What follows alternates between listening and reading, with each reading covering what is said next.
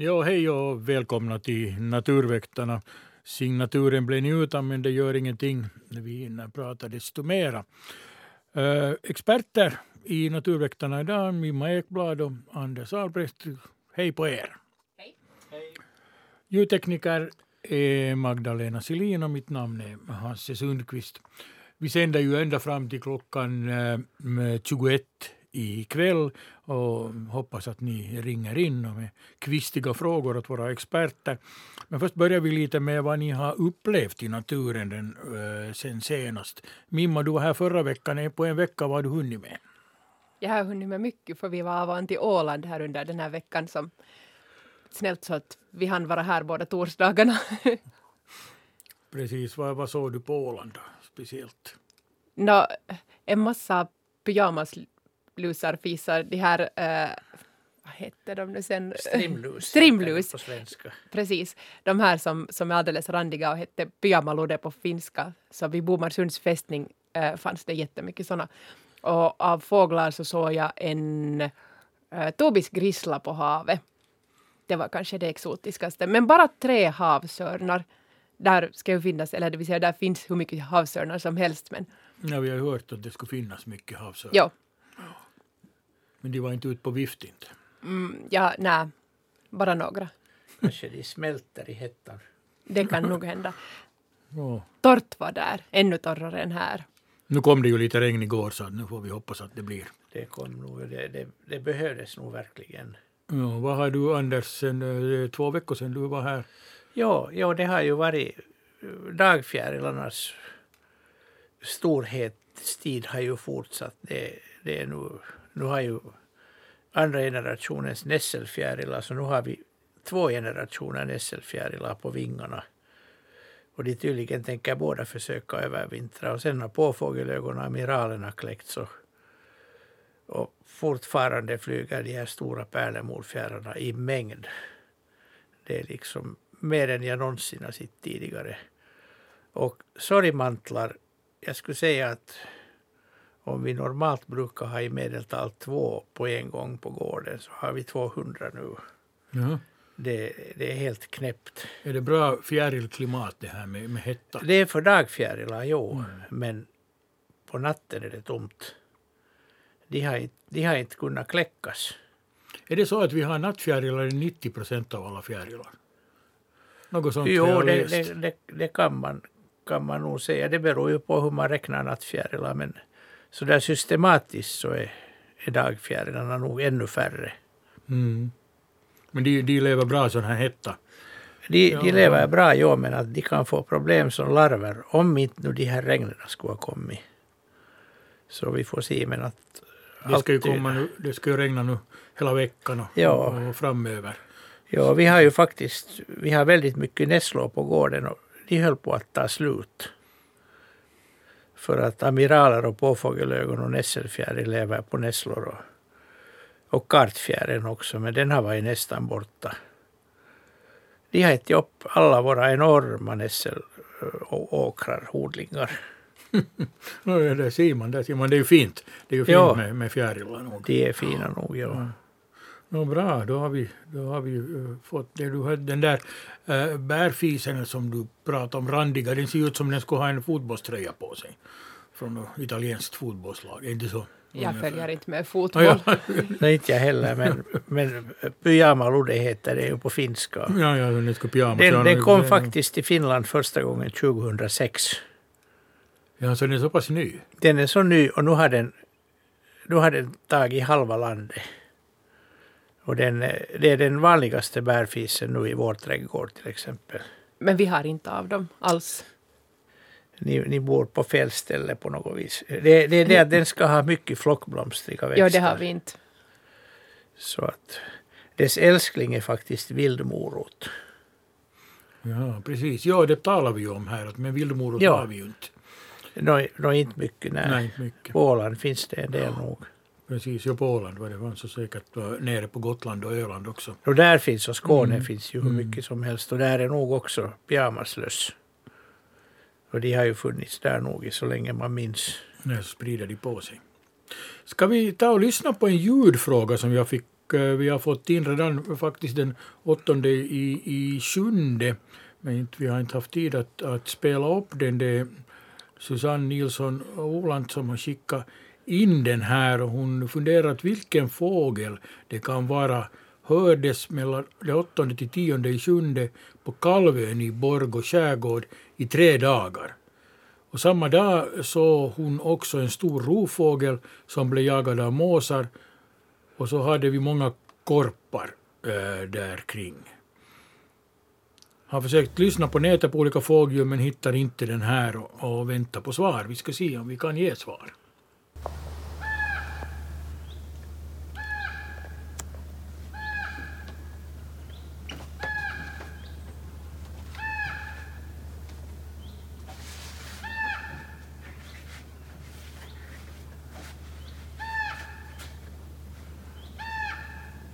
Det är någon som ropar. Den här har vi haft tidigare. Och vi, Vad har vi kommit vi, fram till då? vi, vi kom fram till att vi inte vet vad det är. Jösse gick också bet på den. Så att vi... vi, vi Ja, alltså en, en fågel som kan ha sånt här ljud är ju korpen. Det var min gissning. Men det där med Jösse ansåg nog att det inte var korp. Okej. För jag tänkte också att det kan vara en kråkfågel, det kan vara en ugglefågel, det kan vara en rovfågel. Men det är inte någon typisk av någon av dem. Men till exempel Nej. korpen skulle kunna låta på det här Korpen skulle sättet. kunna låta och den... eh, Jag vet inte alla, alla gråhägarns ljud. Men normalt så låter den mycket hesare. Ja, Den, den har, men, men om det är en, en sån här tenorhägare eller vad det heter. jag, jag tänker kanske då mera en korp med corona. Kanske det. Det kråkan heter ju corona faktiskt. Ja, precis. men, att, men hon har ju sett mycket korpar där kring så att det Jo. skulle kunna vara, det skulle kunna vara korpen. Man tycker bara att det borde höras andra av korpens ljud också. Precis. Så det, Men om det här är en häskorp. Om det, ja, men inte, inte tycker jag det är en häskorp heller. Det är en ohes häger, men inte en häskorp. En tenorkorp. Ja. Nåja, men det blev obesvarat. men det, det, finns, det finns ju de här, så det finns ju mezzosoprano, tjädersopran och sen finns det säkert teritenori också. Men, men kanske, kanske en korpliknande fågel.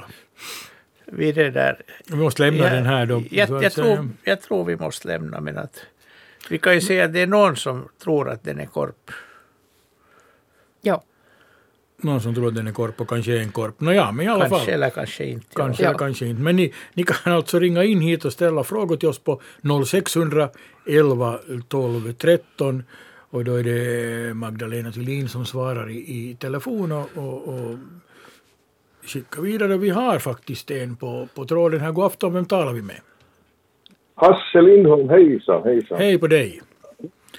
Jo, Jag hörde Ja, att du jag skulle ringa in, ja. Jo no, jag kommer väl kanske inte ringa med det här det där ljudet, alltså det där letet som var där just. Så det, Ja, det, jag föreslår att det är korp, årets Ungara-korp. Jag har, jag har hemma på backorna här. Så att, jaha. årets, jo, det är riktigt, riktigt det, det ljudet som korpungarna har när de har just flugit ut och nu börjar de lite skorra redan i den här åldern nu med för, för, för Um, en månad övar sig på att låta som en korp. Ja, ja, det var ju skönt det att få höra. det, det var bra. Ja. Det, det, det låter som en korpjo. Jo. Å- Årets, årets unga korp alltså. ja. Ung fint. korp. Den här är några bilder där på, på, jag har en sån där, en, en men vi tar, ni tar det sen när ni hinner med den. Vi tar det nu, vi tar det nu. Du är på tråden, man vet aldrig om, du, om, om det ringer så mycket Nej, folk in. Så. hittar ni den där bilden? Ja, jag, visar, jag har visat bilderna. Jag fick tyvärr inte med den i bildbloggen, men, men jag har, vi, har, vi har tittat på bilden här före sändningen. Ja, och, och, och det är ju en, en, en rovfluga det där med, jag har liksom lagt märke till den förut i... i, i, i Jo, i vi, vi, vi, vi talade, talade, talades ju vid här om det. Och, Jo, och det, där, jo, det är faktiskt det är Finlands största fluga som... som där. Tyvärr får, får vi inte, vi får inte upp den för stora nu på... jaha. På vi- den vi- vi den, kan- vi är den, inte- Och den är ju... Vi är inte Men ni, tillräckligt den, ni tekniskt. ser den själv, ni ser den där jo, ni, jo. Beskriver du den Anders så lyssnarna hör hur den Jo, ser ut? jo, alltså den... Det är en stor fluga, närmare tre centimeter lång. Tecknad och den är huvudsakligen svart men sen på bakkroppen och, och huvudet har den vitt och mycket långa. Vad ska, man skulle kunna säga skägg, det är en riktig sån här sjöbuss i ansiktet. Det landade en sån på mig igår och den var gigantisk och den hade spröten åt alla håll och den var typ lurvig om benen. Den är, den är lurvig, lurvig överallt och den, den, är, den är så skäggig. Och sen har den stora glosögon. Och en lång... Och, och, gul, och, och ögonen är inramade av gul, gul, gult alltså. Och där är lite gult kring, ja, men mest är det vitt omkring den. Aha, ja, i min kamera blev det gult alltså. Och sen är kroppen... Bakkroppen är ju, är ju... Den är ju inte svart utan den är ju, den är ju gulaktig och sen kommer det, har den svart i si- sista ändan på, på, på Ja, bakkroppen. ja Så alltså eh, på den här bilden så är det ju vit. ja, kroppen alltså bakkroppen. Ja, ja. eller? Och framkroppen är, är svart. Och så blir Den är det- svart, ja, ja, och sen, är- sen är huvudet också vitt med svarta ögon. Ja, just så. Och så har den gula fötter men då har ni vita fötter på den där också. Den har vita fötter, ja alltså nu, nu är det där, om du ser att den är gul och vår bild det ser är att den är vit, så då, då, är det, då är det möjligt att det är en som heter Lafria flava. Alltså en annan Jaha. art som är betydligt mindre. Den här var nog i, i, nästan lika stor som den där eh, steken, den här stora steken. Stora hårdsteken. Alltså det var, nog, det var, över 30, det var över 30 milli nog den här skulle jag säga. 30, eh, mi- 30 milli var den. det, det, det nog. måste vara gibbosa för att flava blir inte så stor och då är det nog då, är- då, är- då är nog färgen, färgen vit och, och inte gul, åtminstone inte granngul. Nej, nej, inte det är granngult. nej. Ja, det- men, men det är, det är troligt- spännande och det där. Mimma kan vara glad att den inte stack henne. För det gör ont. Ja. Ja, det kan man tänka sig. För den, den, Jo, för att den, den- den, den- är ju full, full, snygg. Jo, den, den, kan, den kan ju inte äta egentligen. Utan den, den spyr ut, ut mar, magsyra i, i ett hål på sitt byte och så efter en stund när det har smultit upp så slurpar den det i sig. Men det är det den gör då på den, den har ju en liten brun, rödbrun stekel eh, mellan framtassarna, frambenen där. Och så det- har den ju den det- det fångad ser vi och den tömmer den. bakifrån. Det ser vi inte på den här bilden vi har, vi har här. så. Men att, Jaha, jo det, det Ja, men alltså den, den det är specialist på sådana här tuffa insekter. jo, Skalbaggar och... jo, det är en liten, liten stekel med vingar som den har. Eh, Ja, I myrans storlek kanske, men, men det, det är nog en, en, en, någon liten stekel som den håller på att tömma bakifrån där. Som den. Den har tagit Jag- jag en, en- liten, en- munsbit. Det var den, det var den bilden jag skickade åt dig direkt, tror jag, den där, där som den har steken mellan. Ja, men tömma den, den, vi, vi lyckas inte förstora upp den nu till det. Nej, vi är tekniskt analfabeter, så därför så. Så att, men i alla fall, alltså den, den är specialist på långhorningar. Och Jaha, den, den kan alltså så. ta skalbaggar som är lika stora som den själv. oho, Och oj, det, det är ganska tufft det. Men, men när du sa att, den, att, det var, att Mimma hade tur att inte, den, att inte den stack eller bet. Jo, Är den så att den är en aggressiv filur mot människor också? Då? om, om den känner sig hotad, vilket det ju säkert var när den satt på dig. Nej, jag är snäll och dessutom luktar jag inte skalbagge. Tror jag. Ja, men i, i alla fall, för att det, den... Jag, sm- jag, smög på den, jag smög med kameran på den, jag har en sån där ganska enkel kamera, filmkamera. Ja, Men nu var jag bara, det där, jag har att jag har den ganska bra filmad från alla håll och, och, och, och där var jag nog på t- t- 15 cent ifrån den alltså, så jag, ja den zoomade lite. det, det, är synd att vi jag inte får den där, den där bilden nu uppförstorad här i studion. Jo. Det var, jag skickade nog in idag också, prova skicka åtminstone den här rörliga bilden som du hade ett önskemål om. Men de Ja, har inte heller kommit in. Den har nog kommit men vi har inte hunnit få in, få in den så att säga. Det. Aha! Ja, men vi, ni, ni gör nog vad ni tycker, men, men om ni nu, så kan ni ju sätta in det nu i så fall, om ni har möjlighet att No, titta. vi, ska ta och titta, ja, vi tar och tittar på den under nyheterna klockan, klockan 20 om vi skulle se om vi... vi ska se, och Ja. den är ju nog värd att se, men att den, Den, den finns ju nog på nätet. att Det, Lafria gibbosa ska man söka på. Och Vad, den, vad hette Lafria gibbosa. Den har ingen svenskt namn. vår störst, bestörtning har den ingen svenskt namn. Nej, just så. Jag hittade inte mina böcker heller, inte på nätet heller hittade jag namn på den. No, Ja, men då- bra, Det var jo, då det fick var- vi svar på många det- frågor här på en gång. Ja, Säg det. Ha, ha det bra. Själv, Tack. själv Ja, ja. Ja, ja, hej. jo, hej då. Hej, hej. hej. Och vi har, vi har eh, nästa samtal. God afton, vem talar vi med? Hallå ja. Hallå ja. Hallå ja. Jo, det här är Jan-Erik Berglund från Sund på Åland. Hej. Har ni det varmt och skönt där ni sitter också? Ja, nu vi sitter inne i en, en, en luftkonditionerad studio så att det är nog ganska skönt här. Nej, nu är det varmt Ja. här i, i 23 grader i, i Helsingfors. Ja. Ja, 33 här i studion. Jag, jag tänkte fråga, det, det är ett fenomen från fågelvärlden som jag har funderat på ganska länge. Det, det är när, när, när jordbrukarna börjar med vårbruket, du har, du har plöjda åkrar och, och det är alltid lugnt och stilla i naturen och så kommer det en traktor ut med en harv och börjar köra på åkern och inom 10 minut, 10-15 minuter så är det 100 eller, eller 50 eller 100 måsar där. Jag undrar var finns de måsarna före de börjar harva? Var kommer de ifrån? ja, vad ska vi Ska säga? jag, ska jag ta det? Eller vågar du, vågar du gissa? Var de jag, jag vet nog var det är. Nå, berätta var de är. De, de är kringspridda i trakten, vida omkring. Och Ja. när, när en dyker ner så ser följande det och så sätter den iväg ditåt. Och, och följande ser det här igen. Så att de, liksom, de, de kommer från 15-20 kilometers håll Ja, och är där. De flyger Ja. kanske 30-40 kilometer i timmen så de, är- de är på nolltid där hela bunten. Och Ja, de, har de är ju sådana, de, de skvallrar direkt när de hittar någonting. Så dels så skriker de men framförallt det att de ser, de ser när någon spanande fågel plötsligt dyker ner så då vet de att där är någonting. Är inte lite dumt att, att avslöja vad, om det var det finns mat? Upp, uppenbarligen så vinner alla på det. Ja. Att det, det, det är bättre att det hålla att- ihop.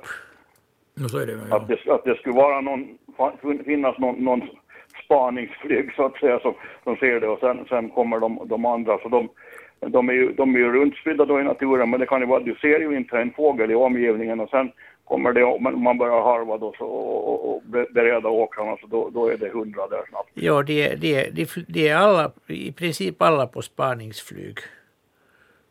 Så Ja. när de ser någon, det- någon, det- någon som styr, styr ner så då, då styr de dit och, och de andra i närheten ser att jaha, nu får den där någonstans, nu får vi och titta. Det är samma Det- fenomen det- som då det- man, då man ren, rensar fisk och Ja. mitt i allt så är det fullt med måsar. De är, de är där på nolltid och man kastar en, Jo, just det. det. En, en om det, bröd, det brödbit i stranden så då, då är det hänt. Ja, ja. Så de, de, de ligger på lur så att säga och sen kommer de så fort. Det, det är intressant det där att de har, de har spanare och så kommer hela flocken sen då. Ja, Ja. Ja, men jag får, Ja, jag får tacka för det här och, och tack för ett, för ett trevligt program. Ja, tack själv för att du ringde. Vi- vi Ha en trevlig kväll. Ja, hej. Hej då. Hej. Om vi går kvickt över till bildbloggen eh, då för att, att eh, svara på, på, på de frågor vi har fått in på e-post så går vi till den första frågan eh, som Krista, Maria och Matti har skickat in från Svinören strax, strax utanför Jakobstad. Vem är jag och kommer jag att förvandlas, vad kommer jag att förvandlas till som vuxen? frågade en lurvig 2-3 centimeter lång larv, brunaktig kropp med långa spetsiga hår över hela kroppen, stora svarta ögon. Vad är det för något? Ja, det här, det här är, man, man skulle ju vänta sig att det här är någon igelkottspinnare eller någon, någon edelspinnare, gräsulv eller någonting. Men det här är någonting helt annat. Och det ser vi bland annat på huvudformen. Och det är inte stora ögon utan det är egentligen huvudets, de- huvudkapselns sidor.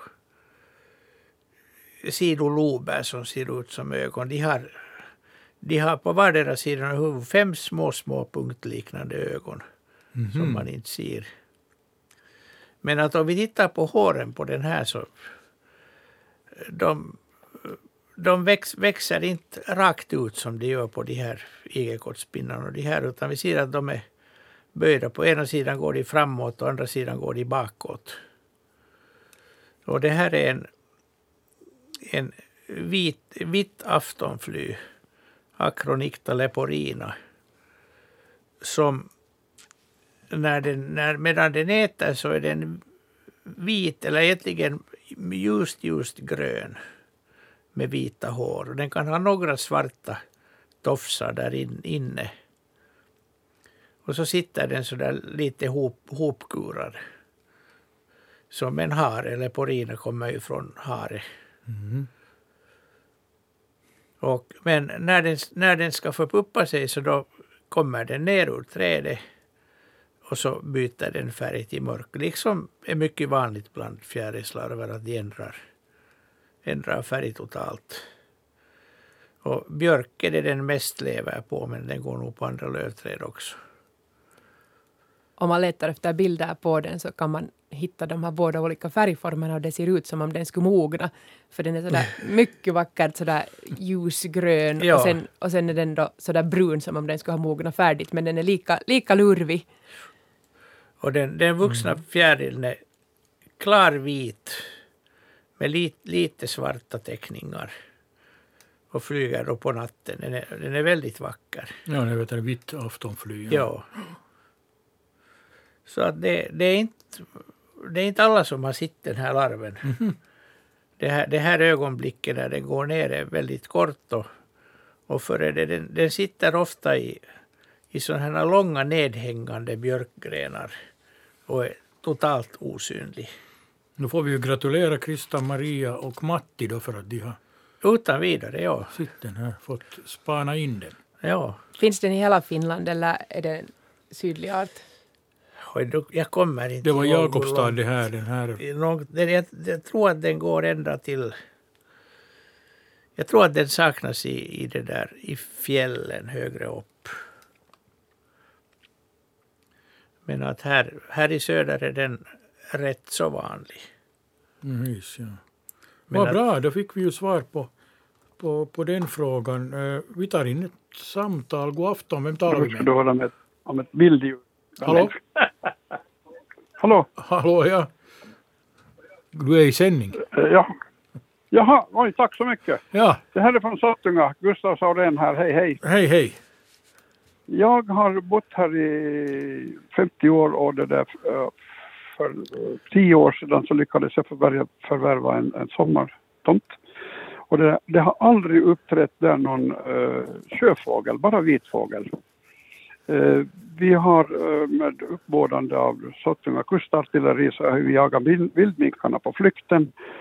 Men sedan har vi havsörnar som kretsar här över ständigt och jämt. Så att eh, någon sån här sjöfågel, eh, ejdar och sånt vidare så har vi under dessa tio år aldrig sett. Nu mitt i allt så kommer det en liten kull på fyra stycken eh, små ungar som är hälften av vad de borde vara, men utan mamma.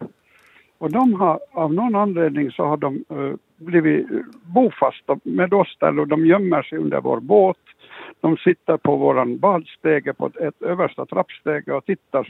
Men de simmar inte bara en par meter ifrån oss när vi simmar och så kommer de tillbaks igen. Nu är frågan den att hur kan det komma sig att från ingenstans, när vi har inte sett något ådbon och ingenting, så kommer det fyra ungar, små ungar som är mindre än de borde vara vid denna årstid. Så kommer de från ingenstans och simmar omkring där vid oss. Det är fråga ett. Mm, har vi något svar på fråga ett? Uh, hurdan terräng är det? det är alltså ytterskärgård, innerskärgård? Vi bor vid en eh, brant kuststrand och det där, men eh, innanför en, en, ett litet grund och det där och alla måsarna de här de häckar på, på det där på yttre sidan så att in mot oss så finns det ingen fågel alls. Uh, ejdrarna, de har börjat, de har flyttat inåt. Uh, och så har de lärt sig att, att ändra sitt beteende just för havsörnens skull. Så till exempel så är det ganska många ejdrar som lägger ägg senare nu för tiden än vad de gjorde tidigare. För de som lägger ägg senare, förr klarade de sig sämre, men nu klarar de sig bättre för de här unga havsörnsligisterna har liksom dragit vidare för de um, äter mest ejdrar då när det, är, då när det finns mest ejdrar. Och, och då senare på sommaren så så det där har de klarat sig bättre, de ejdrarna som har fått ungar då. Och det här låter ju som om det skulle ha hänt någonting åt deras föräldrar. Och sen har de då helt enkelt försökt hitta något ställe som är bra att leva på.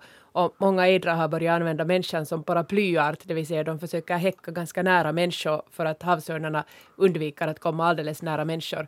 Och kanske de här små ungarna nu uh, har märkt att ni utgör ett visst skydd och de känner sig trygga. Uh, nu spekulerar jag, men det kan också hända att de dels är ganska sent kläckta, men sen dessutom uh, om de inte har haft någon förälder som har kunnat mata dem så har de vuxit långsammare än vad de annars skulle växa. Ja. Uh, där sa du det här då för att jag har läst och fått reda på just det att, att de här uh, sjöfåglarna börjar söka sig uh, i skydd av människan. Men hur kan fyra små ungar få till det att de skulle kunna leva i skydd av människan. Hur har de liksom fått det i sina små huvuden att människan skyddar dem? Jag tror mer att de har hittat en, en skyddad vik där de känner att det är lätt att leva och att där finns... Nej, det är ingen vik. Det är ingen vik. Okej. Okay, Utan det där, det här rak strand, brygga ut och vid bryggändan så där håller de till. Och, och, det där, och fast vi går i vattnet och simmar så de får bara en par, tre meter bort och de är som tama då har de kanske inte lärt sig att, att människor är farliga, så de förstår inte att akta er. Mm. Ja. Men sen har vi ju då sen som sagt eh, till och från under veckorna så har vi eh, två havsörnar som cirklar där ovanför så att vi har ju liksom, vi hör ju på natten eller på dagen så det där så, så det här så hör vi hur måsarna börjar gadda ihop sig på skrikerna. Och visst, då är det två havsörnar där som kretsar i himlen. Och de är beredda på att dyka på dessa små fyra. Och då går jag vidare till fråga två. För att vi har klurat ut ett sätt som vi tror att skulle kunna uh, rädda dem för att de är i livsfara faktiskt. Och det är det att sätta ut ett styroxflak uh, bygga en liten plåthydda som har plåt för att det liksom, om en havsörn störtar mot det så ska det hålla och så sätter man lite mat dit. Att de lockas att sitta där under det där plåttaket. Och om en havsörn störtar dit så det där så har de inga liksom småungar utan de sitter i skydd av det där lilla plåttaket. Ja, som vi inte har prövat ut ännu men det ska vi just börja sjösätta. Jag funderar att, att har de gömt sig under er brygga? Nej. Under, de simmar längs med båten men de, de, det är omöjligt att gömma sig under båten utan de måste simma längs med båtkanten. Men uh, under bryggan så kan vi säga så här, de sitter på översta trappsteget, alltså i, i vattennivå, på simstegen. Där trivs de bra. Ja, det, är lite under brygg, det är ju nästan under bryggan det också. Då. Det är nästan under bryggan, ja. Ja, jag, jag tror inte att ejderungarna vill gå i en sån här konstruktion, men, men hemskt gärna får ni prova. Jag har hört att... Ja, ja, men att, ja, det kan ju inte skada, för att vi har undvikit att mata den, för man ska inte mata vild jag, jag har hört att man kan sätta ut en sån här typ fågelskrämma i en gummibåt eller något liknande. En som ser ut som en människa. Och att havsörnarna skulle, inte skulle uh, våga ja, dyka ner. Vara. Kan det stämma? Det skulle kunna vara det också. En havsörnsskrämma? För att de där havsörnarna kommer till och från. Ja. Ett, tu, tre har man dem där och kretsar där ovanför. Mm. Men de kan ju också vara intresserade av måsarna. Nej, det är ju måsarna som jagar bort dem. De, de gör det och det, det, det utnyttjar jo, andra fåglar jo, också. Jo, det är, det är ett helsikes liv där. Men, men havsörnar äter måsar? De äter jo, speciellt de i Österbotten? Orädda. Måsarna är totalt orädda mot havsörnen. Ja, de anfaller ju de som alla andra fåglar. De sig ihop och jagar bort örnarna sedan efter en stund. Ja, de Men gör ju det. En vacker dag så kommer de att komma åt de där ungarna som är helt oskyddade och simmar runt där. Bygg en, bygg en, en havsörnsskrämma och sätta den och, flyta där på i någon båt eller någonting eller på det där styroxet. Vad är en havsörnsskrämma? en som ser ut som en, en, en fågelskrämma men den är på ett styrox och flyg, flyter omkring. Jag, jag skulle inte sätta Ja, ja. styrox i havet för det, det kan nå, göra ju så mycket bra, skada. Men, en gummibåt eller någonting sånt. Om du har. En liten träflotte skulle vara bäst. Träflotte ja, får du bygga. Men då i alla fall, det där, det, där kan man väl kanske experimentera med. Men då vet jag i alla fall att, att unga, eller fick jag reda på det, att hur kan de vara hälften så små som de borde vara? Nej, de är sent födda eller inte fått mat tillräckligt. Eller både och. Mm. Ja, De är sent födda och Utan, de har utan, utan mor. Utan mor. Då, ska vi säga som så att sannolikheten för att de överlever utan föräldrar är ganska liten, men vi kan alltid hålla tummarna. Det är det, det vi gör. Och sen Ja. hjälper vi ju till dem då eh, med eller utan tummar. Okej, Ja, för ni det. får bli surrogatföräldrar för Ja, Eidrar. tack, tack ska du ha för att du ringde. Okej. Ja, ta hand om, om tack. Ja, ja, hej. Hej. Så är det, vi har ett eh, till samtal. Eh, god afton. God afton, god afton. Är jag med nu? Du är med nu ja. Yes, Filip Hatt ringer från ett soligt och jättevarmt Larsmo ikväll. Mm, ja Har en-. Ka- ja, jättetrevligt väder faktiskt. Klarblå himmel och solen, solen är riktigt sitt föraste om man säger på så sätt. Jag har en kanin slash harfråga om det är okej ikväll. Ja, shoot. Vi har alltså en, vi har en kanin, en lejonman som husdjur som vi har med oss på vårt sommarställe i Larsmo. Har vi haft jättemånga år. Och åt kaninen har vi förstås ett, ett bra, bra boende, en, en, en lya kan vi väl säga som vi stänger in honom in till, till natten. Sen har vi en större bur som han får vara, får vara i på dagarna helt enkelt som skydd för andra djur förstås. Och äh, i, i, vår, i vår skog här bakom så finns tydligen en, ett harfamilj och de har fått ungar. Och det är lite finurligt för äh, en av de här ungarna så har börjat visa stort intresse för vår kanin som finns här alltså ute på vår gård. Och tidigt på morgnarna och sent på kvällarna så kommer den inskuttande på vår, på vår gårdsplan helt enkelt och dras alltså till vår kanin. Och våran kanin så verkar inte bry sig det minsta i det här heller, eh, snarare tvärtom. Han tycker att det verkar förnöjsamt på så sätt att de, de verkar ha någon form av utbyte av varandra om man säger på så sätt. Så vi kikade på det här tidigt en morgon häromdagen och min son frågade av mig att, att prata de med varandra. Och det tyckte jag var en ganska finurlig fråga faktiskt. Så, så det är egentligen kommunicerar, kommunicerar har och kanin på något sätt med varandra? Eh, och hur gör de i så fall? För alla som har haft en kanin så vet ju att jag tror att det är världens mest tysta husdjur. De har ju inte överhuvudtaget några läten, förutom om, om de blir eh, riktigt uppskrämda eller har smärta, men annars är de väldigt tysta. Och sen andra delen i den här frågeställningen är att vet haren och vet kaninen att de, att de nästan är samma art på så sätt och dras de till varandra på något sätt. Och är det så att de kan ha, ha någon form av utbyte fast, fast ena är på insidan av gallret och den andra sitter på utsidan helt enkelt. Nåja, vad säger vi om, om harkanin? Dramat. Kan, kaniner och katter kan ju bli vänner, fast de, alltså om de bor i samma familj. Så, så de kan nog bli... Mm. Det att de är olika art så, så gör ingenting om de ska vara vänner, speciellt om de då är tamdjur. Nej, och hund, hund och katt går ju bra och kanin och människa går också bra ihop. Och kanin och kanin går ibland ihop och ibland inte. Men att de, Mm, så är det. de, de kan gå bra ihop men de vet nog inte om det själv. Att de, att de är släkt. Men- men är det så att de- vis. Har de på koll att de är så att säga av, av samma art eller är det bara en slump att, att haren har kom, kom in på vår gårdsplan och vi råkar ha en kanin där också och de, de, de noterar varandra eller är det så att de dras till varandra eh, på något sätt? Jag tror, jag tror inte de har, de har kollat. Jag tror, jag tror det är lite, lite med de här också som med fåglarna. De kan, de kan präglas på alldeles fel art. Och det betyder att de ganska lätt kan fatta tycke för fel. Så att säga fel. Inte det är ju något fel på kaninen men att Men för haren är det fel, ja. Men för haren är det fel. Men att de, de trivs, trivs ihop. Och det, jag menar det, det, det kan innebära en viss trygghet att de är tillsammans och lite håller vakt åt varandra som, som djur och, och fåglar ofta har, kan leva i blandflockar. Och som, Ja. som sjö, sjöfåglar ofta häckar i mås och tärnkolonier för, för trygghetens skull. Så som svar på sonens fråga, pratar eller kommunicerar kaninen och haren med varandra i arla morgonstund? Va, va, vad svarar jag på den frågan? De pratar inte.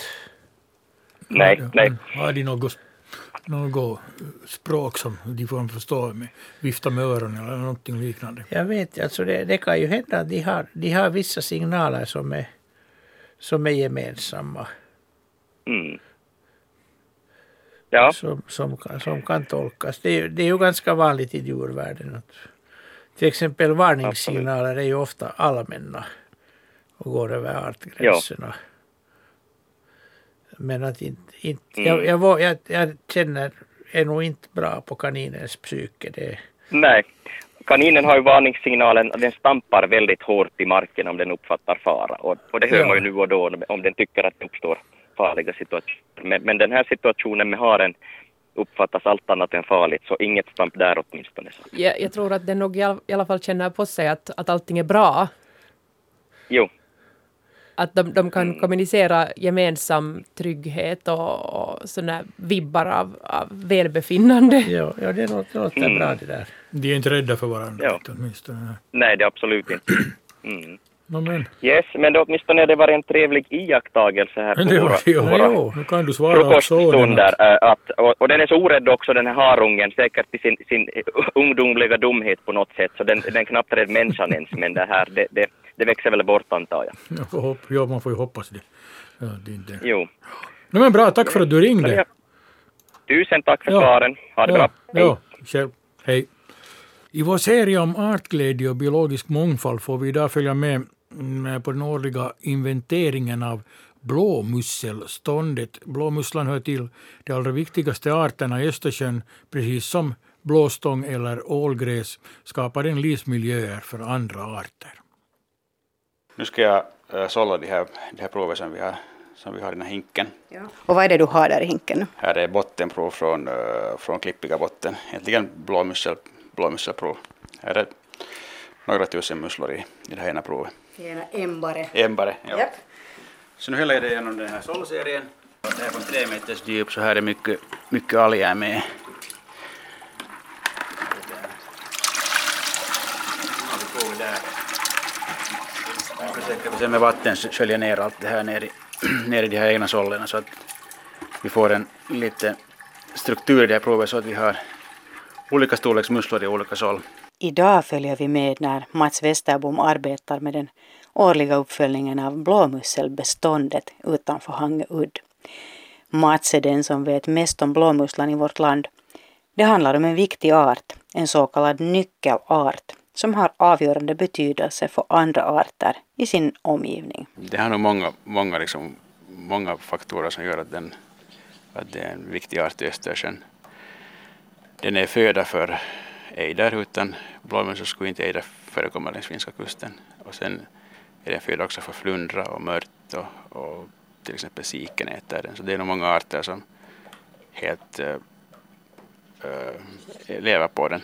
Men sen, sen det där så skapar den också ett sånt habitat, en miljö för andra arter på de här hårda bottnarna. Att om inte den här blåmusseln skulle finnas där så skulle allt bara vara- klippor. Men om vi jämför oss med blåstången som, där det finns samma, samma arter så vi har dubbelt mer individer i, i per, per ytenhet, ytenhet i bland blåmusslorna jämfört med blå, blåstången. Och sen eh, det som också gör blåmusslan viktig är den att den, den förekommer ända från ytan ner till över 30 meters djup. Så den skapar det habitatet liksom så, så djupt.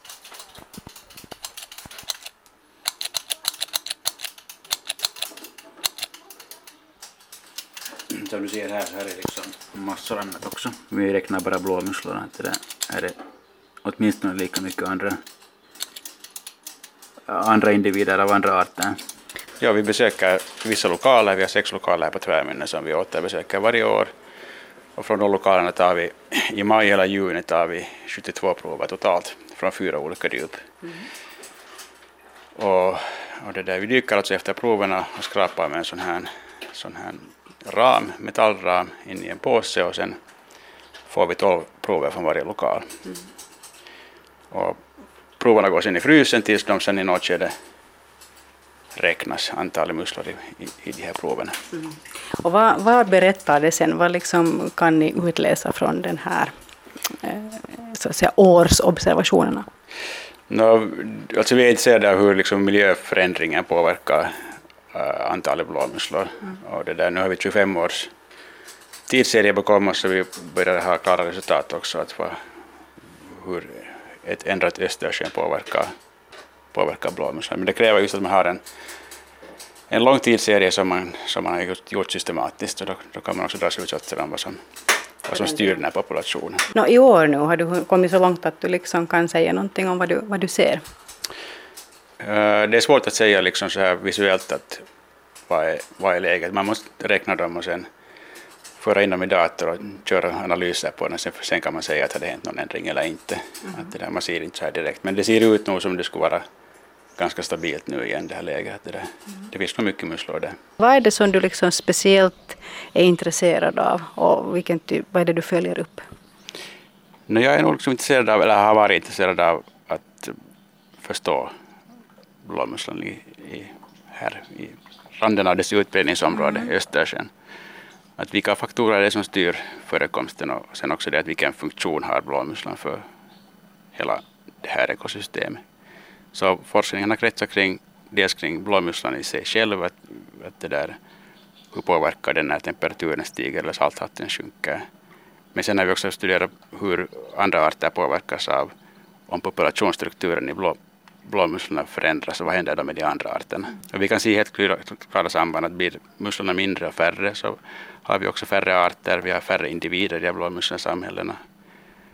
Om de består av gamla och stora individer så då, då, då är det mycket mer äh, artrikt samhälle. Eftersom blåmusslan är en, en äh, marinart, den, den trivs i hög salthalt och vi har bara hos oss nu under 6 promille i genomsnitt. Så det, där, det är absolut på gränsen av vad den klarar av. Att det där, under det så skulle den ogärna få gå. Då, då minskar bestånden och populationen börjar må sämre. Ja, det är nog salthalten som är den absolut den viktigaste faktorn. Sen är också temperaturen. Att det där, Östersjön blir varmare så småningom så det är också sånt som skapar problem för blåmusslan. den, den klarar inte av äh, långa perioder när det är varmt vatten. Det sägs att dess kritiska värde är kring 17 grader och vi har ganska ofta som det är högre än 17 grader. Ja, vill du höra mer om blåmusslan och vad som händer med vår skärgård om det försvinner så ska du lyssna på den längre versionen av det här inslaget som du hittar förstås på arenan. Nåja, om vi går över till eh, bildbloggen och nästa bild så har vi en, en bild av en insekt på en ärm, tror jag det är cirka tre och en halv centimeter lång som sågs i Hange för en vecka sedan. Och det är Kerstin Granqvist från Hange som vi skulle vilja veta vad är det för någonting som, som hon har fotat. Har vi något svar? Det är en, en klubbhornstekel. Den är alltså släkt med, alltså eftersom den är en stekel så är den släkt med myror och, och bin och humlor och sådana. Men den här har ingen stickgadd utan den lever helt på växter. Klubbhornstekel säger du det, ja. Ja, tre större arter ska vi ha i Finland, säger Anders. Ja, tre, tre arter av släktet Kimbex. Som är de här stora. Sen har vi släktet Trichiosoma som är nästan lika stora som vi har ett tiotal arter av. Så de, steklarna är alltid jobbigare än man tror. Men den här den klubbhornstekel ser man på att den har de här klubborna i ändan på sina antenner. Och sen den här gula fläcken på ryggen är ganska kännbar också. Den är, den är uttryckligen för släktet Kimbex med de här tre arterna. Ja. Och, och det att den, en sån här växtstekel ser man på att den inte har någon midja. Att de här till exempel myrorna och, och äh, bina och humlorna, så de har ju midja. Men de här växtsteklarna har inte. Den är ju ganska stor är den ju nog. Men den är ganska stor och mm. den, den, har väldigt kraftiga ben och väldigt kraftiga käkar. Är det här någonting igen som man ska vara rädd för, att den, att den biter? Jo, nu ska man vara rädd för den. Nej, inte. Nej. inte. Men alltså den, den, om den får tag och ett bita i översidan av handen så, så strittar nog blodet. som Men den säger. gör inte det. Ni Jo, den behöver det. inte vara rädda för klubbhålsstämplar. Nej, det, det kommer inte på, men man, om man leker med den så får man nog veta vad den kan. Ja, ja, det är som med alla andra, andra insekter. Jo. Man ska inte gå på peta på dem. Inte. Nej, de tycker inte om det och då försvarar de sig Mm, och det har de mm, rätt att göra. Men man behöver inte vara rädd för den. Nej, Nej, nej, men, den, men den är, det, är- så det, är inte, det här är inte den där bromsen som man, man har talat om att som har synts i hangar, den där stora jättebromsen. Nej, den, den nej är och, och inte den är just större än våra största bromsar vi har haft tidigare. Nej, nej, men den är stor. Den är stor, ja. Men den är en fluga. Det här är en stekel. de är inte släkt Det- utom att de är insekter. Där ser vi skillnaden, ja. No, men då fick vi veta att det är en klubbhundstekel som, som, som finns då. Då får Kerstin Granqvist veta det och fick svar på sin fråga. Det var fint. Sen tar vi nästa eh, fråga ännu eh, från bildbloggen. Eh, stuggästerna har skickat in den här och de hittade eh, denna på vägen nära vår stuga i Ingo, Degerby, cirka knappt 100 meter från Havsvikstranden. Ormen inom situation, citationstecken var 40 till 50 centimeter lång och någon, någon hade tydligen fångat och smakat på den lite. Följande dag var den borta. Det här är då alltså en, en svart orm, eller vad är det? Kanske grå snarare. Nå, grå, ja, mörkgrå. ju, ljussvart. Ljussvart, mörkgrå. Ja. Benlös figur. Benlös figur, ja. Och vad, vad, vad är det för någonting som stugägarna har, har hittat? Det är en av Finlands två ödlor. Den heter kopparödla. Så fast den då inte har något ben, alltså, så är det ändå inte en orm utan det är uttryckligen en ödla. Och den har också en svans, fast man egentligen inte kan skilja svansen från resten av ödlan. Men att som till exempel då vår skogsödla, så om man går för nära den och, och den blir rädd och man tar den i svansen så, så då tappar den svansen. Ja, det vet vi. Det vet man ju alla från när man varit ung. Det beror på hur mycket man har bråkat med dem. Men samma sak gäller alltså då den här kopparödlan. Den kan också tappa svansen om den känner sig hotad. Vad är det för skillnad på, på orm och ödla? De ser ju likadana ut då, den här ödlan är utan ben. Vad är, vad är skillnaden? ja, De är inte så där jättenära släkt. de, är- nej, de, de är inte alls nära släkt egentligen. Fast de ser likadana ut. Och de ser lite likadana ut. Mm. Men de, Konvergent evolution, när det är någonting som är ändamålsenligt så kan flera olika djurgrupper utveckla samma men sak. att just kopparödlan så jämfört med en orm så den är sådär mycket slät. Slät och sen är den, sen är den ganska trubbig både, både, både huvud och speciellt i stjärtändan. Och den har inte ett sånt där avskilt huvud som ormarna Mm. hos oss brukar ha. Och som en kuriositet så kan den blinka, vilket ormar inte kan göra. Jaha. Men den kan inte hugga. Nej. Men en ödla är det frågan om i alla fall. Här, så att, eh. Nå bra, men då fick vi ju reda på det och jag tror att vi har ett eh, samtal. God afton, vem talar vi med? God afton, Viveka Bäckström från Karis. Hej! Hej. Jag skulle vilja veta flygmyror. Jag menar, hur bor vi?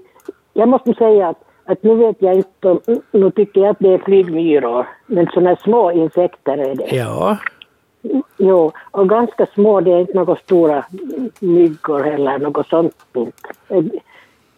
Och, och jag var på visit i, i Sjunde och i söndags och var i fyra timmar inne och när vi kom ut så var hela bilen, den är annars ljus men det var nog svart då. För det var så full med sådana flygmyror på den, det var helt omkring. ja. Varifrån hade de kommit mitt i allt? No, de är ju, flygbyråerna är ju, är ju hanar och, hanar och, det, och honor av vanliga myror. Så att de har, de har, de har svärmning och, och de, de tajmar det så att de vanligtvis så har alla bon av en art på ett ställe har svärmning samma kväll. Men hur kan de ha en sån... diskussion emellan sig att de vet att nu ska vi alla ut och svärma. Jag, jag vet Eller inte är de- exakt hur det är, men det har, det har nog någonting med, med temperaturer och, Och, lukt, och luftfuktighet. och luftfuktighet och sånt. Och de, när det är lämpligt så då far, far de ut och då, då de far ju och svärma och sen hittar hanarna och honorna varandra i luften och, och parar sig. Och det här är ett sätt när de alla kommer ut att de, att de inte... Då blir det ännu mer då till nästa år då? Eller övervintrar inte de? Jo, alltså, ja, de här kommer då, honorna som har parat sig, de kommer då att, att gå ner. En del går in i gamla myrbon, men de flesta bör starta sitt eget bo. De tar av sig vingarna och sen går de och övervintrar någonstans under mossan. Och de här drottningmyrorna No. är, större än som de här andra myrorna. Att de här hanarna som har vingar, så de är lika stora som de här andra myrorna. Men de här honorna som då är befruktade, så de är nästan ofta dubbelt så stora som... Ja, ja. som så att om man ser en jättestor myra, så då är det en sån här drottningmyra som har klippt av sig vingarna. Eller så är det en Aj, hästmyra. Ja, men om den ser Det ut som en svart myra. Ja.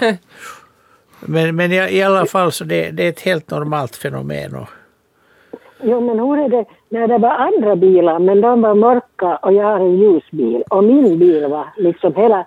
Man kan inte tala om hundra, för det var nog tusentals. För att när vi var där en liten stund så var vi alla fulla med det, på oss utav de där myrorna. ja, det, Att, och, att det var det enda att han, husvärden var tog tryck sprutan fram och sprutade vatten på dem. Men de får en liten sväng i luften och så kom de tillbaka i bilen igen. Att det allra sist så jag fick sopa borta med borstar.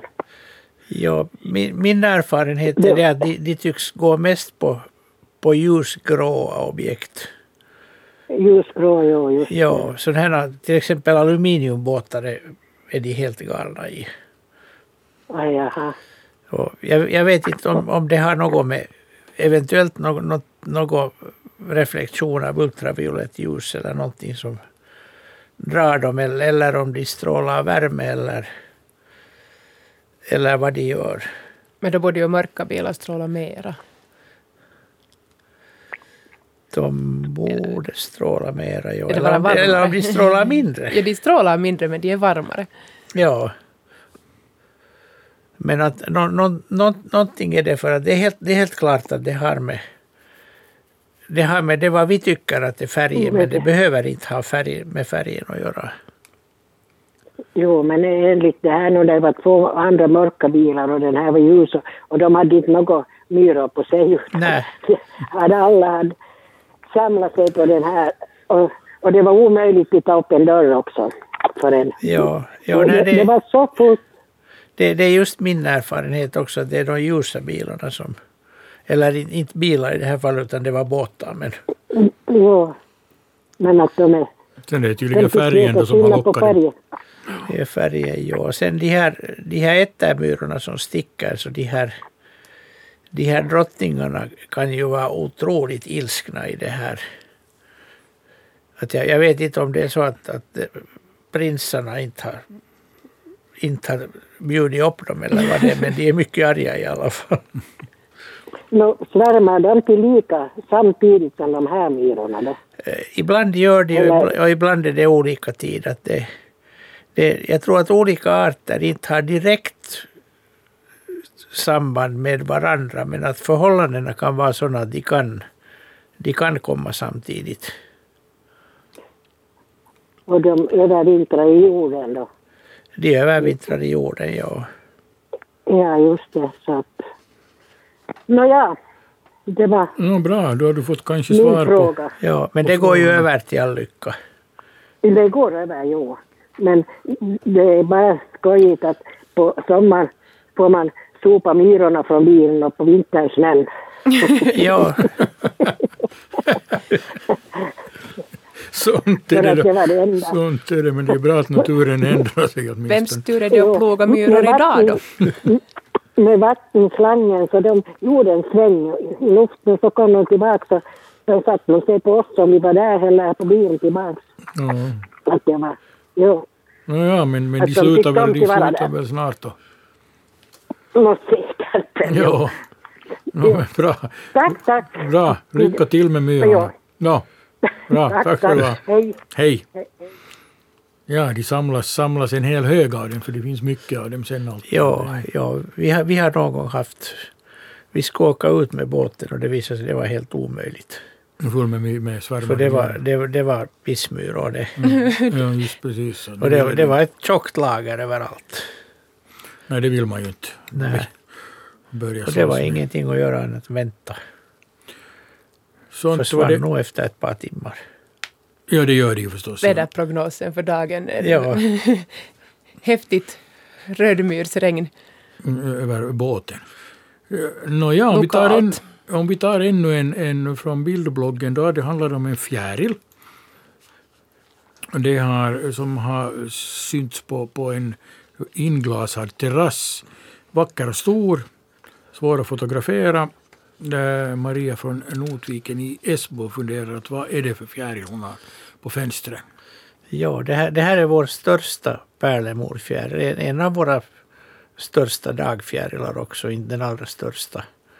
Den heter silverstreckad pärlemorfjäril.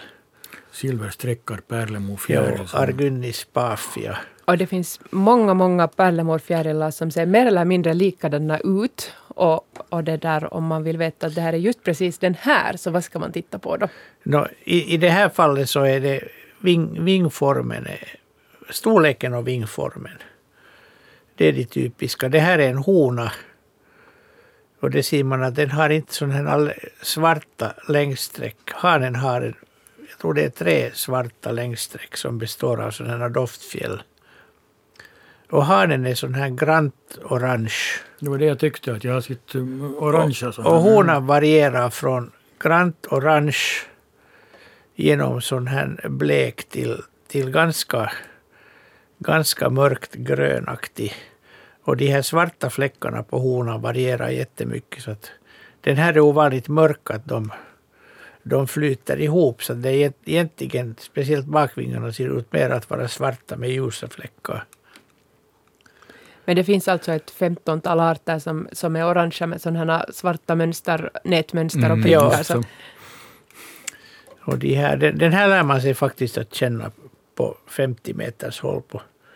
Den, den har ett, ett helt annat sätt att flyga än de andra. Den är, den är liksom en mästare. Och den, den känner man nog igen när den kommer. Och det har funnits mycket nu av dem säkert. Det, Det har funnits Ja. mycket, ja. Och den har ju varierat. I vissa år har den varit försvunnen från hela fastlandsfinland. Och, och i vi- vissa år så har den varit bara på Åland och, och östra Finland. Och nu är, nu är den nu i södra mellersta Finland allmän och, och överallt. Och speciellt i år har det funnits massor av den. Ja, precis. Det är Det är, en, det är en fin fjäril. Maria har fått in, in på Ja. terrassen. Så att Det är ett bra sätt om man ska fota den. Att man, man glasar in terrassen och lockar dit den. Så då får man ett bra foto. Ja. Ja, som Maria har fått. Det är alltså silverstreckad pärlemor fjäril som eh, du har fotat i, på din terrass. Ni kan alltså ringa in hit på 0611 12 13 och vi går vidare i eh, bildbloggen till nästa bild och det är igen en, eh, ett djur kallar de den, ser ut som en larv. Vi har sett dessa djur nu i juli månad på vår gård. Vad är det? Katten han bita i den här så det kom ut något grönt från den, säger Cecilia. Eh, den ser ju ganska speciell ut den här. Den ser också ut med, med att den har ett huvud med stora eh, svarta ögon. Ja, det, det skulle man tro, men det är Ja. inte sant. Nej, förstås inte. Men det är det den vill att du ska Det är tro. det, det, är det den vill ju. Alltså den, är, den, den heter större snabelsvärmare. Eller Ja. var det stor? Det kommer. Större. Och det där Deilefila elpenor. Och, och larven, när den blir hotad så då drar den in huvudet i framkroppen. Så att huvudet är det där lilla platta där man ser som är helt in, indraget i framkroppen och de här, de här ögonen så de, de är bara teckningar här på, på framkroppen och de som den så att säga puffar upp att den sväller ut. Det är nog bluffögon. Det är bluffögon, ja. Och den, den ska avse då att skrämma vettet ur folk och fe som försöker ta. Jag, jag vet inte om det fungerar. Men Men kan att- det väl om man inte är så hemskt stor så kan lika stor som den så, så kan det vara lite skrämmande. Ja, no, den, den blir ju upp till en 10 centimeter Mm. lång. Ja, ja, tänkte. lång och den, oftast lever den på, på duntrav. Eller mjölkört som den heter i Sverige. Den kan leva på måra också men duntrav är det vanliga. Och oftast är den så här brun men den kan vara ljusgrön också. Det samma- kommer ju ut något grönt från den här då katterna no, det, det, det är tarmarna som kommer ut. Just så. Och det, det är ju inte meningen. Nej, nej, så den är, det är goodbye med den här. Och som, Ja. och som vuxen blir den sådär vackert uh, vispgrötsfärgad blandat med sån här guldgrön ungefär. Ja, man, man tänker sig blomställningarna av duntrav när den blommar. Så det är de färgerna. Att när den sitter där bland blommor och blad så är den smälter den totalt in. Vacker, In- vacker. Den är mycket, mycket vacker och det intressanta är att den, den är, själva fjärilen är bara hälften så stor som man skulle vänta sig när man föder upp larven. Jaha, så den blir ingen stor fjäril utan den blir, den blir inte alls så stor som, som svärmarna normalt, kanske Mm. en 7 centimeter mellan spetsarna. Och då är, då är larven större än till exempel tallsvärmaren som blir upp till 10 centimeter. Att vad det sen är, det tycks vara bara vätska i den. Grön. Grön vätska. Grön vätska. No, men då fick Ja, vi men den, den är rolig i alla fall. Större snabelsvärmare. Ja, den, den här yta, ytan den är sådär matt.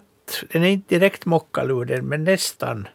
Och med sådana här fina svarta streckar. Den är otroligt fint tecknad om man tittar närmare på den. Närmare, Om, närmare. om någon animekonstruktör skulle hitta på att göra någonting som ser ut som en larv så skulle den se ut på det här sättet. Ja, det är det jag tycker också. Den, Ja. den, då skulle man ju ha det som ögonen. Bluffögonen skulle vara riktiga ögon då i så fall. Ja, det, gå för det, fullt. det finns ju fjärilar som har samma bluffögon men i bakändan. Mm, Jo, för att skrämma. För att, ja, för att, för att sen, sen går det åt fel håll. Få- Fåglarna siktar förstås på framändan för att få fast dem och sen, sen var det också bakändan och den stack åt fel håll. Nåja, där ser man. De är, de är inte så dumma. Nej, precis. det är helt avsiktligt. Det är, det är avsiktligt. Ja. De planerar Precis. länge. Nåja, men det var ju intressant att, att höra om det här. Det är en stor som larv men liten som fjäril. Eller sådär mindre än man skulle vänta sig. Mindre än man skulle vänta Nu är sig. det ju en ganska stor fjäril Ja. ändå. Nåja, no, vi har ett samtal. God afton, vem talar vi med? Uh, god kväll, det är Tova, Tova från Grankulla här. Hej! Ja, jag undrar att är det myt eller stämmer det att ugglan kan vända på huvudet 360 grader? Det stämmer. Okej, tack. Man får hoppas den kommer ihåg vilken den var vän när den vänder tillbaka. Den ska inte klara mer än 360 Ja. grader.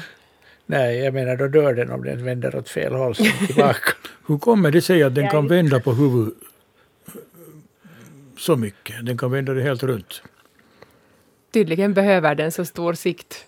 Mm, Och de, de är så rörliga de här led, ledningen mellan kotorna. Att, att det är inte så här som våra Nej, jag våra menar det skulle vara bra för en människa också att kunna snurra runt. Ja, Jag ska ändå glömma i vilken riktning jag är på ja då, det väg. ska jag också. Så vrider man ett varv till. Och, Nej, Ni är inte lika ni är kloka som ugglorna Nej. med andra ord. Nej. No, men du, du fick svar på din fråga. Jo, tack, jag fick. Bra. Ha en fortsatt trevlig kväll. Tack Ja, detsamma. ja, hej. Hej. Ugglorna, ugglorna ja, de har ju, det är ju känt att, att de vrider på. Jag undrar om det där var ett vad. tror du det? Misstänker du det? Det var en teori. Ja, precis. Om vi, eh, medan vi väntar på nästa samtal så skulle vi kunna titta vidare i bildbloggen och vad kommer vi fram till? Då är det en hög med ägg som eh, Harry Björklund har, har skickat in. Jag ska se här vad han skriver om det. Eh, hittade dessa sju stycken ägg, två eh, stycken sönderpikade i, i smalare ändan i vår ventilationskanal på stugan på Kimitöjen. Från boet cirka 1,5 meter till skorstenens mynning och kanalen cirka 15 till 30 centimeter eh, stor. Upptäckte dem då jag skruvade upp täckbrickan för att rengöra den. Vilken fågel har, Harry haft som hyresgäst? Kan man av de här äggen räkna ut det? Det här är ganska misshandlade ägg. Det syns att de har varit där länge. De är så där gråspräckliga och smutsiga och, och vissa är trasiga. Det är nog väldigt X-ägg. Men det finns en tändsticksask bredvid dem. Och jag mätte tändsticksaskar och den är, de är fem och en halv centimeter. Så de här äggen är då no, sex, sju centimeter kanske långa. Och så eftersom det är sju stycken och i den här storleken så måste det vara frågan om någon andfågel. Och baserat på att den har lagt dem i en skorsten, så en fågel som, andfågel som kan tänkas göra det är en skrake. Så min kvalificerade gissning är en skrake. Eventuellt skrakägg då som inte blev till någonting så att säga. Andfågelägg som inte blev till någonting. Andfågelägg. And, andfågelägg som inte blev till någonting är det säkert. Eventuellt skrake. Och eventuellt skrake. Nåja, då är vi ganska nära med andra ord. Det, Eventuellt. Det, det, blir nog, det blir nog bra. ja, jag tycker det också. Vi har ett eh, samtal. Eh, god afton, vem talar vi med? Det var Gunvor från Jakobstad, hej.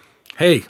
Jag ringde för en tid sedan om en ekorre som äter upp ett renhorn som vi har på villaverandan. Ja, det kommer jag ihåg. Men nu, läm ja, nu lämnar vi det, den får äta vad den äter. Men ett, ett, annat, ett annat problem som vi fick i söndags som inte vi förstår vad det var frågan om.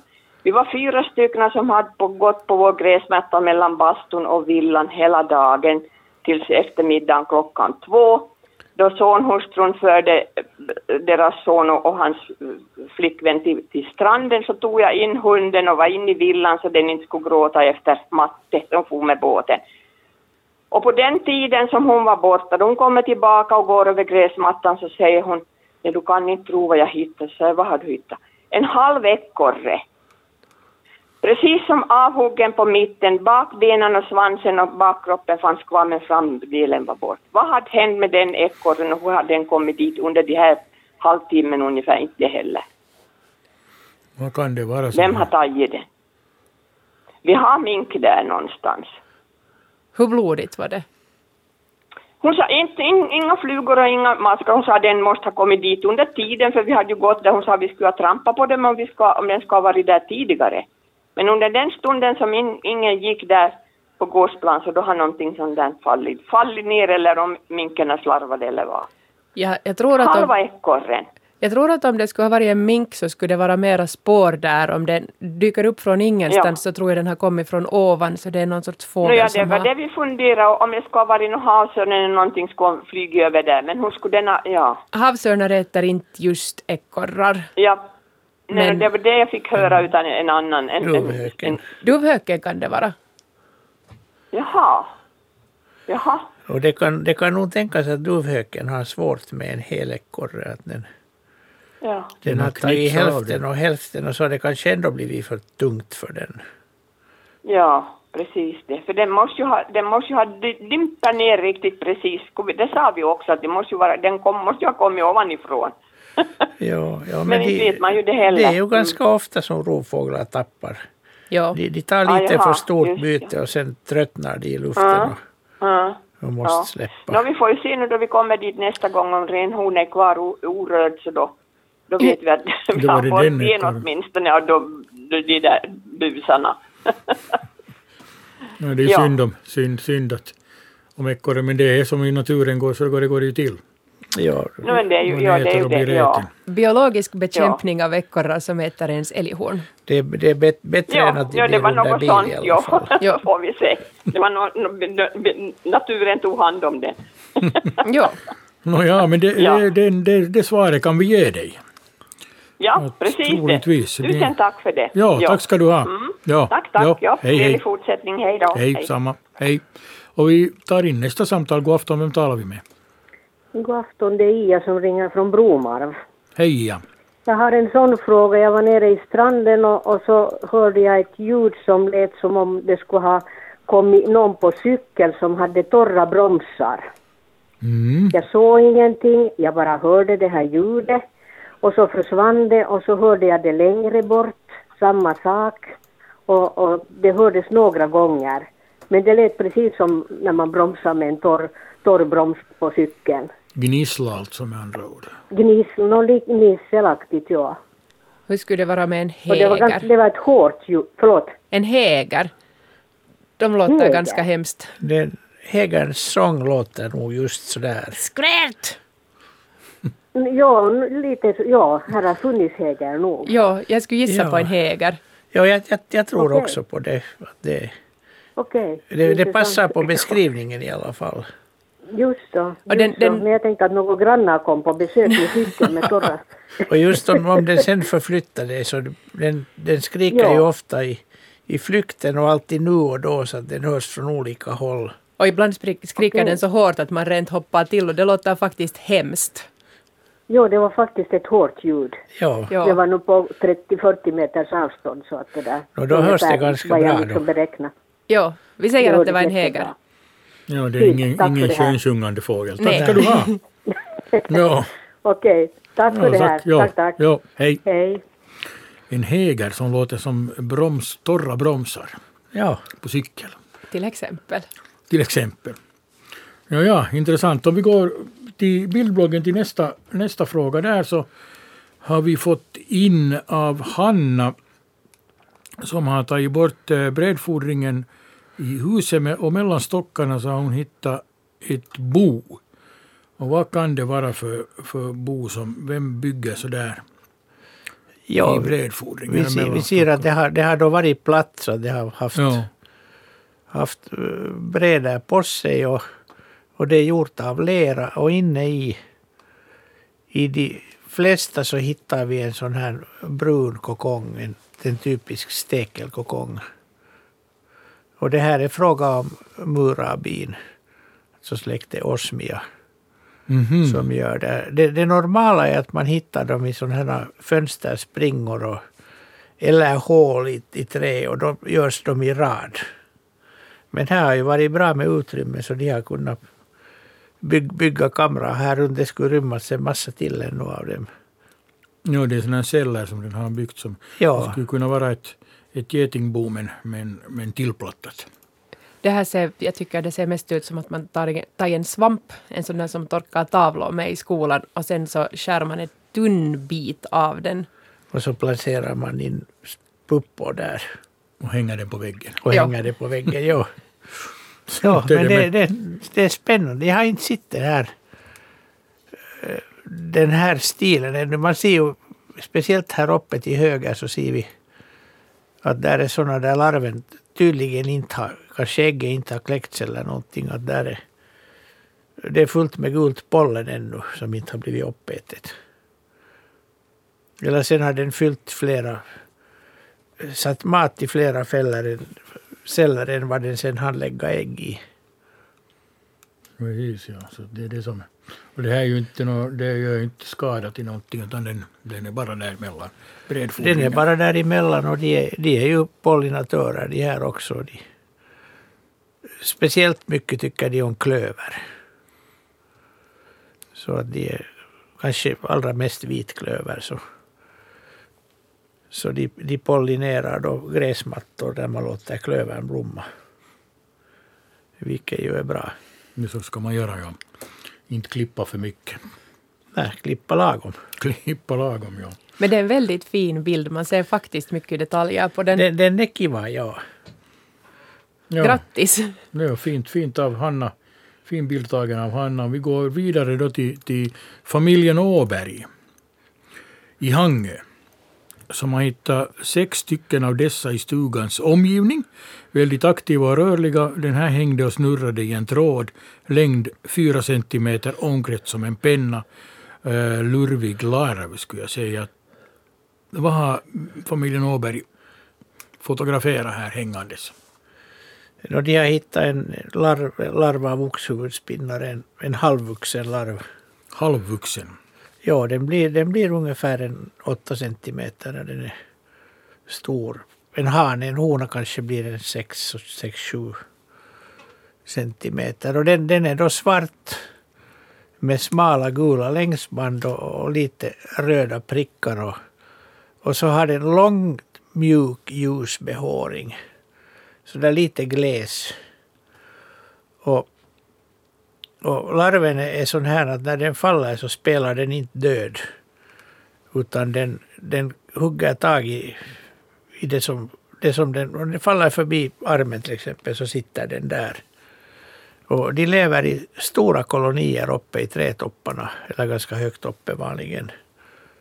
Och om man går och sparkar på unga björkar och hittar en sån här koloni så har man hela kroppen full av sådana här larver. De, ramlar ner. ner och så blir Mm. de att hänga på en. Och därför ska man inte sparka på unga björkar. Alldeles rätt. Ja. Man kan få sjukt i foten dessutom. Låt bli att sparka på Ja. unga björkar. Det, Men, att, den, den är, men, men man, man ser dem ganska lätt nog om man tittar uppåt.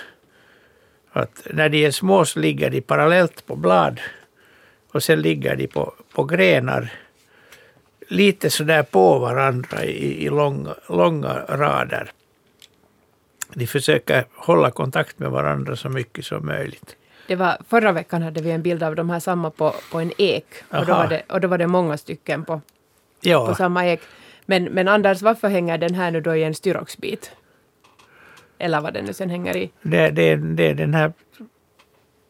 Det är målad, målad sån här Breda på något målad breda. Så hur har den hamnat där? Den, den, har, den har fallit ner och fjärilar, fjärilslarver brukar inte falla fritt. Utan de har alltid sitt, sitt Benji-rep med sig. De har hela tiden en tråd. Någon har varit och sparkat på björken som den bodde Jo, i, eller sen, sen har den, blåst bort. den, den har blåst bort. Eller, eller sen, sen har de ätit tomt den grenen de satt på. Det händer ju ofta. Då hamnar de att söka en ny gren. Och det gör de oftast genom att de, de låter sig falla och så hoppas de att där är en gren under. Precis, så de har ett rep som de De har ett rep som de halar ner sig. Ja, Ja. Spännande saker, ja. De, de är roliga djur. Och den, den, som fjäril så har de en av de mest fantastiska mi- mimikryer man har i insektvärlden. Den, den rullar fing, vingarna kring kroppen. De är så där grå, lite spräckligt glänsande. Och mellankroppen är så där orangebrun och bak, bak, vingens bakhörn också en sån där rundad fläck. Den ser precis ut som en, en pinne. En avbruten pinne där man ser det bara trädet i ändorna. Och så spelar den död. Eller träd. Eller, eller träd, ja men alltså den är... Den Så den spelar kan- träd. Den, den så vecklar den ut, rullar ut vingarna sen då. Ja, när den flyger så, Ja. så veck, vecklar den upp dem och flyger iväg. Men att när den, det är ganska många fjärilar som rullar ihop vingarna kring sig, men den här är, den är extrem för den har verkligen en funktion med det. Om man tänker att den är fem centimeter lång den här pinnen så det är inte någon liten pinne. Nej. Där ser man igen hur förunderlig naturen är. Ja, Här är ett exempel på den här. Nå bra, då fick familjen Åberg veta det. Vad det är som hänger och, och dinglar i, i, i huset. Att säga. Eh, vi har ett samtal. Vi har inte ett samtal, nej. Eh, ni kan ringa in på 0600 11 12 13 och fråga oss djur och natur. Och då går vi vidare i bildbloggen. Och då kommer vi till en eh, observation i trädgården från Åbo i Hirvensalo. Flygväsen 2-2,5 cm långt, snabba vingslag som humlan, men helt ljudlös. Satte sig inte på blomman utan höll sig flygande som en kolibrin ungefär. och, och suger nektar. Snabba, raka flygrörelser, inte flaxigt som fjärilen. Och den här, uh, Henning Backman har skickat in det här, han har gjort en likadan observation i Minnesota i Amerika 2019, men den var större. Cirka fem centimeter och kallades där Humming Bee. Humming Bee. Vad är det för en uh, fjäril eller svärmare som Henning Backman här har? Den här på bilden heter Större dagsvärmare. Större dagsvärmare. Och det där, vad det där hummingbee det vet, det vet jag faktiskt inte. Det var det amerikanerna kallade det. För hummingbird är ju en kolibri. Jo, och då, men, men det här, jag menar, jag vet inte om de har någon steke, men det kan nog också vara en, en fjäril som de kallar så. Men att eh, det är knappast samma art. Nej. Det här, det här är en art som, som finns i Syd, Sydeuropa, Nordafrika. Och som under varma somrar kommer de hit flygande. Så förökar de sig en gång här, de gör en, en generation. Men de är inte vanliga här, det är inte hela tiden som de... Det är inte hela tiden, men då när de är så är de ofta ganska många och det är de just nu.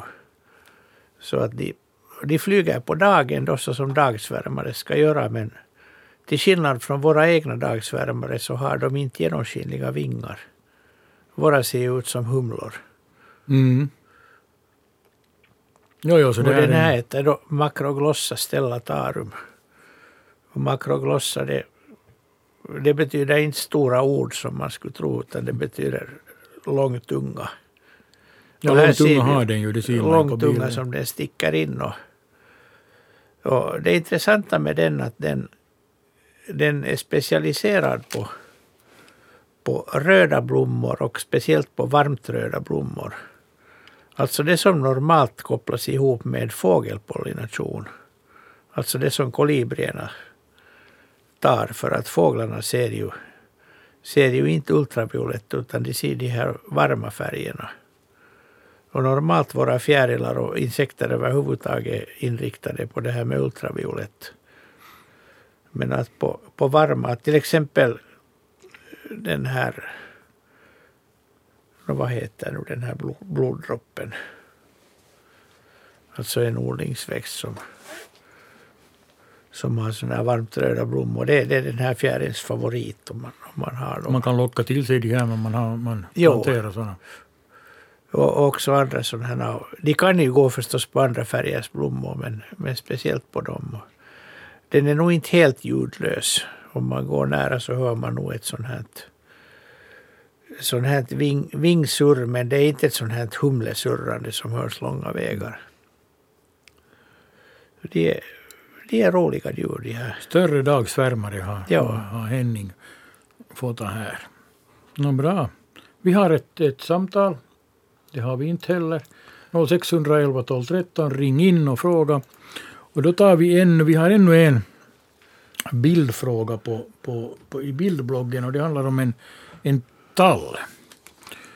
Eh, och då frågar eh, Kristel Parbrand Lerche vad det kan vara frågan om. Vad är förklaringen till det här fenomenet som hon har fått?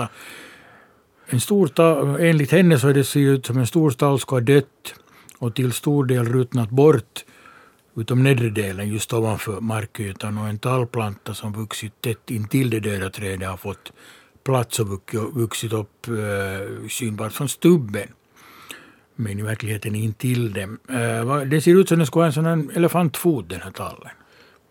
det, det här är en, en, en tall som växer ute i skärgården på en, ganska nära en klippa. Och den ser ut som jag skulle göra om jag skulle vara en uggla och försöka vända huvudet för många varv. den ser ut som om den skulle ha försökt vända huvudet för många varv och sen fastna i den ställningen. Eh, I skärgården blir tallarna ju, de växer hemskt långsamt, så det här är antagligen en rätt så gammal tall. Och den här nedre delen av den här tallen är då No, jag, jag tycker det ser ut helt enkelt som att den skulle ha haft någonting i vägen när den var liten och började växa och så har den försökt växa runt det och sen har det försvunnit och, och, och, och sen har den helt enkelt snurrat lite för många varv runt omkring det här och, och därför har den så konstiga former. De får ofta konstiga former ute i skärgården. Ja, inte har jag någon bättre förklaring. Missväxt, missväxt i alla fall är det frågan om. No, alltså inte det är ju direkt en missväxt, eller den har vuxit konstigt helt Ja, enkelt. Ja, det är en störning. Den har haft för små skor när den var liten. uttryckligen. Den har inte haft plats att växa som den borde.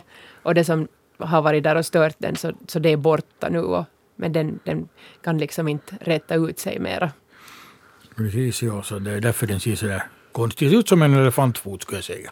Men jättemånga skär, tallar i skärgården ser ju, ser ju verkligt ut. konstiga ut. Ja, För det är sant. Ja, där är så karga förhållanden och svåra förhållanden att, att växa i. Så de, de råkar ut för det ena och det andra. och de, de kan få för sig att växa i någon trång klipp, klippskräva eller någonting och så, och så håller de på det. Och sen kanske någon rot hittar ut i vatten i alla fall och sen överlever de. Och, sen kan de stjälpa och så fortsätter de Ja. att växa. Och sen börjar de växa uppåt och så blir det en sån där underlig kurva där. ja, Ja, ja, det är bara en typisk kärritall. Ja, men den är jättefin. Mm. Ja, det är sant. Eh, vi skulle kunna ha en, vi, lyssna på en ljudfråga vi har fått eh, in av eh, Ralf-Henrik Karlsson som eh, frågar att vilken är fågeln i, på det här ljudbandet. Det var uppe i ett träd men de såg inte vad det var för någonting och det här är från Borgå, Vesselande vid havet 28 i sjunde. Ungefär en eh, femtiden på eftermiddagen. Ska vi lyssna på det?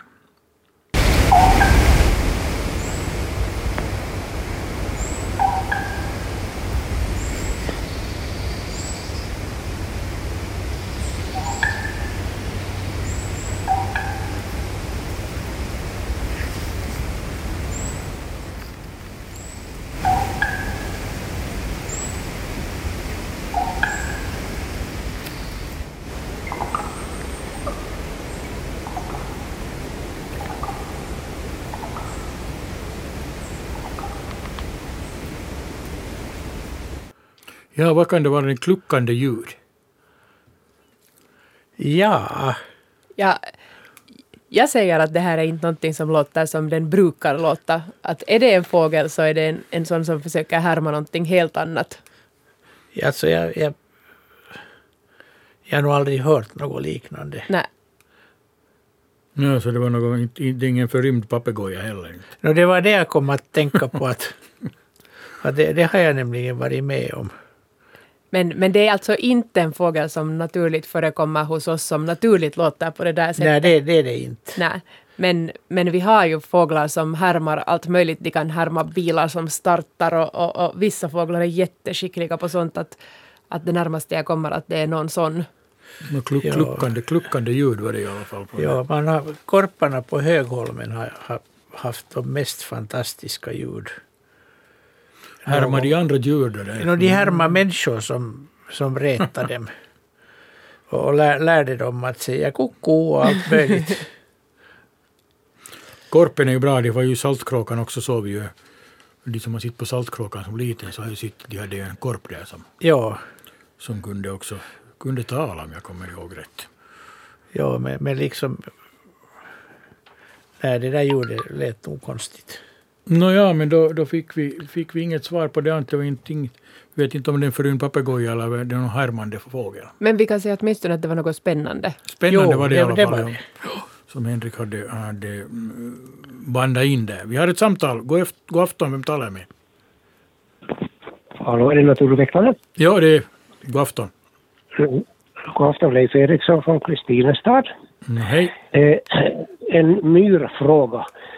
Eh, juni månad eh, var här på sommarstugan så vi har en, en gummimatta utanför lusthuset där och jag lyfte på den där och där fanns massor av små myror. Och de tyckte inte om det där att utsättas för ljus så de började krypa ner i, i några gångar där på en minut så var de försvunna och, och de var måna att plocka. Något vitt med sig det var antagligen e- ägg kan jag tänka. Nå, sen det har jag antagligen var det larver de plockade med sig. Larver, sorry. Ja, okej. Ja, Eller bra. puppor. Ja, de var vita, ja. de brukar vara brunaktiga. Vita var de och, och, och de, brydde- de, de var måna om att det där skulle komma, Ja. komma ner den jorden. Nå, sen har jag lyft mattan försiktigt några gånger här under juli månad och, och jag har inte sett någonting. Men sen för några dagar sen så, så ropade de här barnbarnen Muffa kom hit och titta. Och, och två meter ungefär från den där mattan så fanns hundra, ja, hundratals flygmyror, är det så det heter. Och, och, och så, så, så var där bara en timme och sen var de försvunna. Och, och jag kopplar ihop de här, de här fenomenen då och undrar, är det, var det samma varelser som jag såg i, i, i juni som var försedda med vingar eller vad det heter, tillfällighet att de råkar vara där, de här flygmyrorna nu för någon dag sedan. Nu, nu, kan de, nu kan de vara från samma bo förstås. Men, men det är alltså inte de här samma larverna som du såg? De nej, här, utan nej. Det, Nej, nej. Det, det, är samma bo, men de, de vita sakerna som de förde undan var deras larver och de här flygmyrorna är alltså sen de här fullvuxna könsmogna exemplaren som far ut för att para sig. Precis. Om, om, om det var på våren det här så det, det har hunnit med flera generationer efter det. Ja, just så. Ja, precis, precis. Ja. Mm, eller flera kullar, man kan väl inte tala om generationer. Ja. No, men bra, du, fick, du fick svar på ja, din no, fråga. Men då, då fick jag svar på min fråga. Då ska jag berätta det här. Det jag berätta. berätta. Bra. Tack ska du ha. Tack så mycket. Ja, ja tack, hej. Tack. hej vi ska ännu hinna med en, en, snabb fråga här som vi har fått in, som inte, som inte jag fick in i bildbloggen, men eh, bilden har jag visat åt, åt experterna. Det är Jessica som har med sin familj varit ute och seglat. Eller Sofie som har varit ute med sin familj och seglat. Sofie är 11 år gammal och hon har fotat eh, eh, i, på Åland på en blomma ett kryp som hon funderar på att vad är det för något kryp och vad är det för en blomma som Sofie, 11 år, har fått. Vad har vi för svar åt henne? Det här är en jättespännande skalbagge för det, det är den här hum, humlebaggen som försöker se ut som en humla. Och det finns ju alltså många olika sorters djur, som, alltså insekter för det mesta, som försöker se ut som humlor. Men det finns alltså till och med en skalbagge som försöker se ut som en humla. Och, och, och, vi kan ju nog säga att det inte är en humla, men, men vi undrar att vad är det, för den är så, så lustig. Men en humlebagge är det. Och, och det var en ljusröd växt som den satt på, en sån här skärgårdsväxt som är ganska uh, lång, smal blomma med många, många blommor i toppen. Och det är, den heter fackelblomster fackelblomster och hummelbagge som, som, som humlebagge som fanns där. Den ser faktiskt spännande ut den där. Den är jätterolig. Jag skulle också fundera om jag skulle se den, att vad är det för någonting? No, men bra, då fick vi, fick vi eh, svar på det. Eh, vår tid börjar igen lida mot sitt slut som alltid eh, går tiden snabbt och man har roligt. Eh, jag får tacka Mimma och Ekblad och Anders Albrecht för den här sessionen. Eh, för mig eh, hägrar semestern. Eh, Jocke Lax kommer tillbaka nästa vecka och drar eh, uh, Naturväktarna och då är det Hans Estbacka och Jörgen Palmgren som är uh, experter i, i den sändningen, då, alltså den 5 augusti. Idag är det, har vi haft massor med samtal som har kommit in och jag hoppas att ni har en riktigt trevlig fortsättning på kvällen och skicka in på vår e-post frågor och vi försöker få svara på så många som möjligt. Vi tackar ljudtekniker Magdalena Selin för denna kväll. Jag vill också tacka lyssnarna för den här julimånaden. Och eh, det är lika trevligt som alltid att sitta här och, och diskutera med våra experter som vet och kan det mesta om naturen. Tack så mycket och hej!